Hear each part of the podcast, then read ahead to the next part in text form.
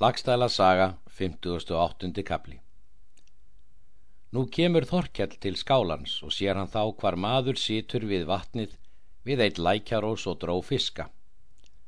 Sá hafði feld á höfði. Þorkell stígur af baki og bindur hestin undir skálavegginum. Síðan gengur hann fram að vatninu þar sem maðurinn satt.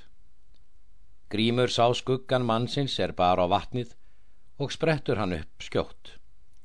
Þorkell er þá komin mjög svo að honum og leggur til hans og kom á höndina fyrir ofan úlið og var það ekki mikið sár. Grímur rann þegar á Þorkell og takast þeir fangbröðum.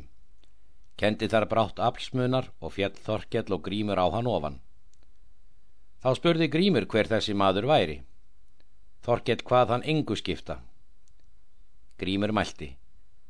Nú hefur öðruvís orðið en þú myndir ætla að hafa því að nú mun þitt líf er á mínu valdi. Þorkell hvaðst ekki myndu sér fríðar byggja, því að mér hefur ógiftulega tekist. Grímur sagði ærin sín óhöpp, þó þetta liðu undan. Mun þér annara forlaga auðið verða, en degja okkrum fundi, og vil ég þér líf gefa, en þú launa því sem þú vilt.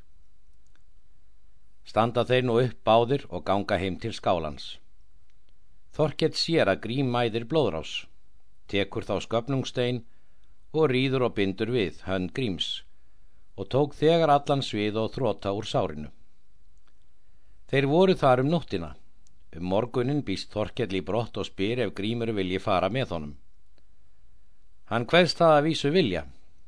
Þorkell snýr þegar vestur og kemur ekki á fund eiðs, léttir ekki fyrir hann kemur í sælingstalstungu. Snorri goði fagnar honum með mikill í blíðu. Þorkett sagði honum að ferð sjá hafði illa tekist. Snorri hvað vel hafa orðið. Lýst mér giftu samlega á grím. Vil ég að þú leysir hann vel af hendi.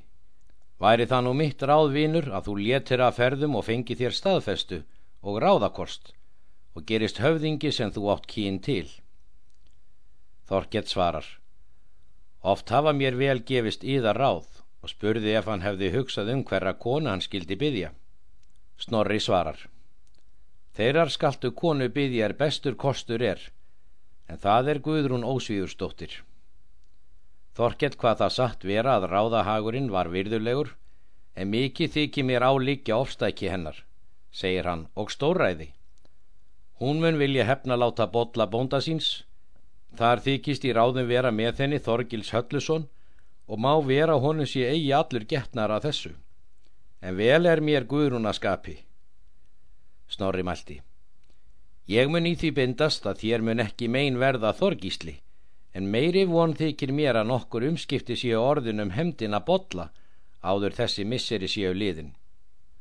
Þorgett svarar Vera kann að þetta séu eigi tóm orðir þú talar nú en um hemd botla sé ég ekki líklegra nú en fyrir stundun ef maður þar snarist nokkur hinn er starri menn í bragð.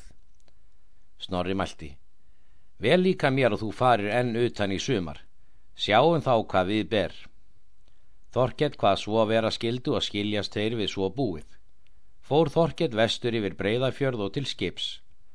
Hann flutti grím utan með sér. Þeim byrjaði vel um sumarið og tóku Noreg sunnarla. Þá mælti Þorkelti Gríms. Kunnugur er þér málavöxtur og atbyrður um félagskap okkar. Þar það ekki að tjá. En gjarnan vildi ég að hann seldist með minnum vandraðum út en á horðustum hríð. En að hraustu manni hef ég þig reynd og fyrir það vil ég þig svo af höndum leysa sem ég hafi aldrei þungan hug á þér haft. Kaupeyri mun ég þér fá, svo mikinn að þú meir vel ganga í hraustramanna lög en þú nefn ekki staðar norður hér í landi því að frændur eðs eru margir í kaupförum þeir er þungan hug hafa á þér. Grímur þakkaðu honum þessu orð og hvaðst eigi beigðamundu kunna jafn framarla sem hann bauð. Að skilnaði gaf hann Grími góðan kaupherri. Töluðu það margir að þetta væri gert all stórmanlega. Síðan fór Grímur í vík, austur og staðfestist þar. Hann þótti mikill maður fyrir sér og endast þar frá Grími að segja. Þorkell var í Nóriði um veturinn og þótti vera mikilsáttar maður. Hann var stór auðugur af fjö og hinn mesti ákafa maður. Nú verður þar frá að hverfum stund en taka til út á Íslandi og heyra hvað þar gerist til tíðinda meðan Þorkell er utan.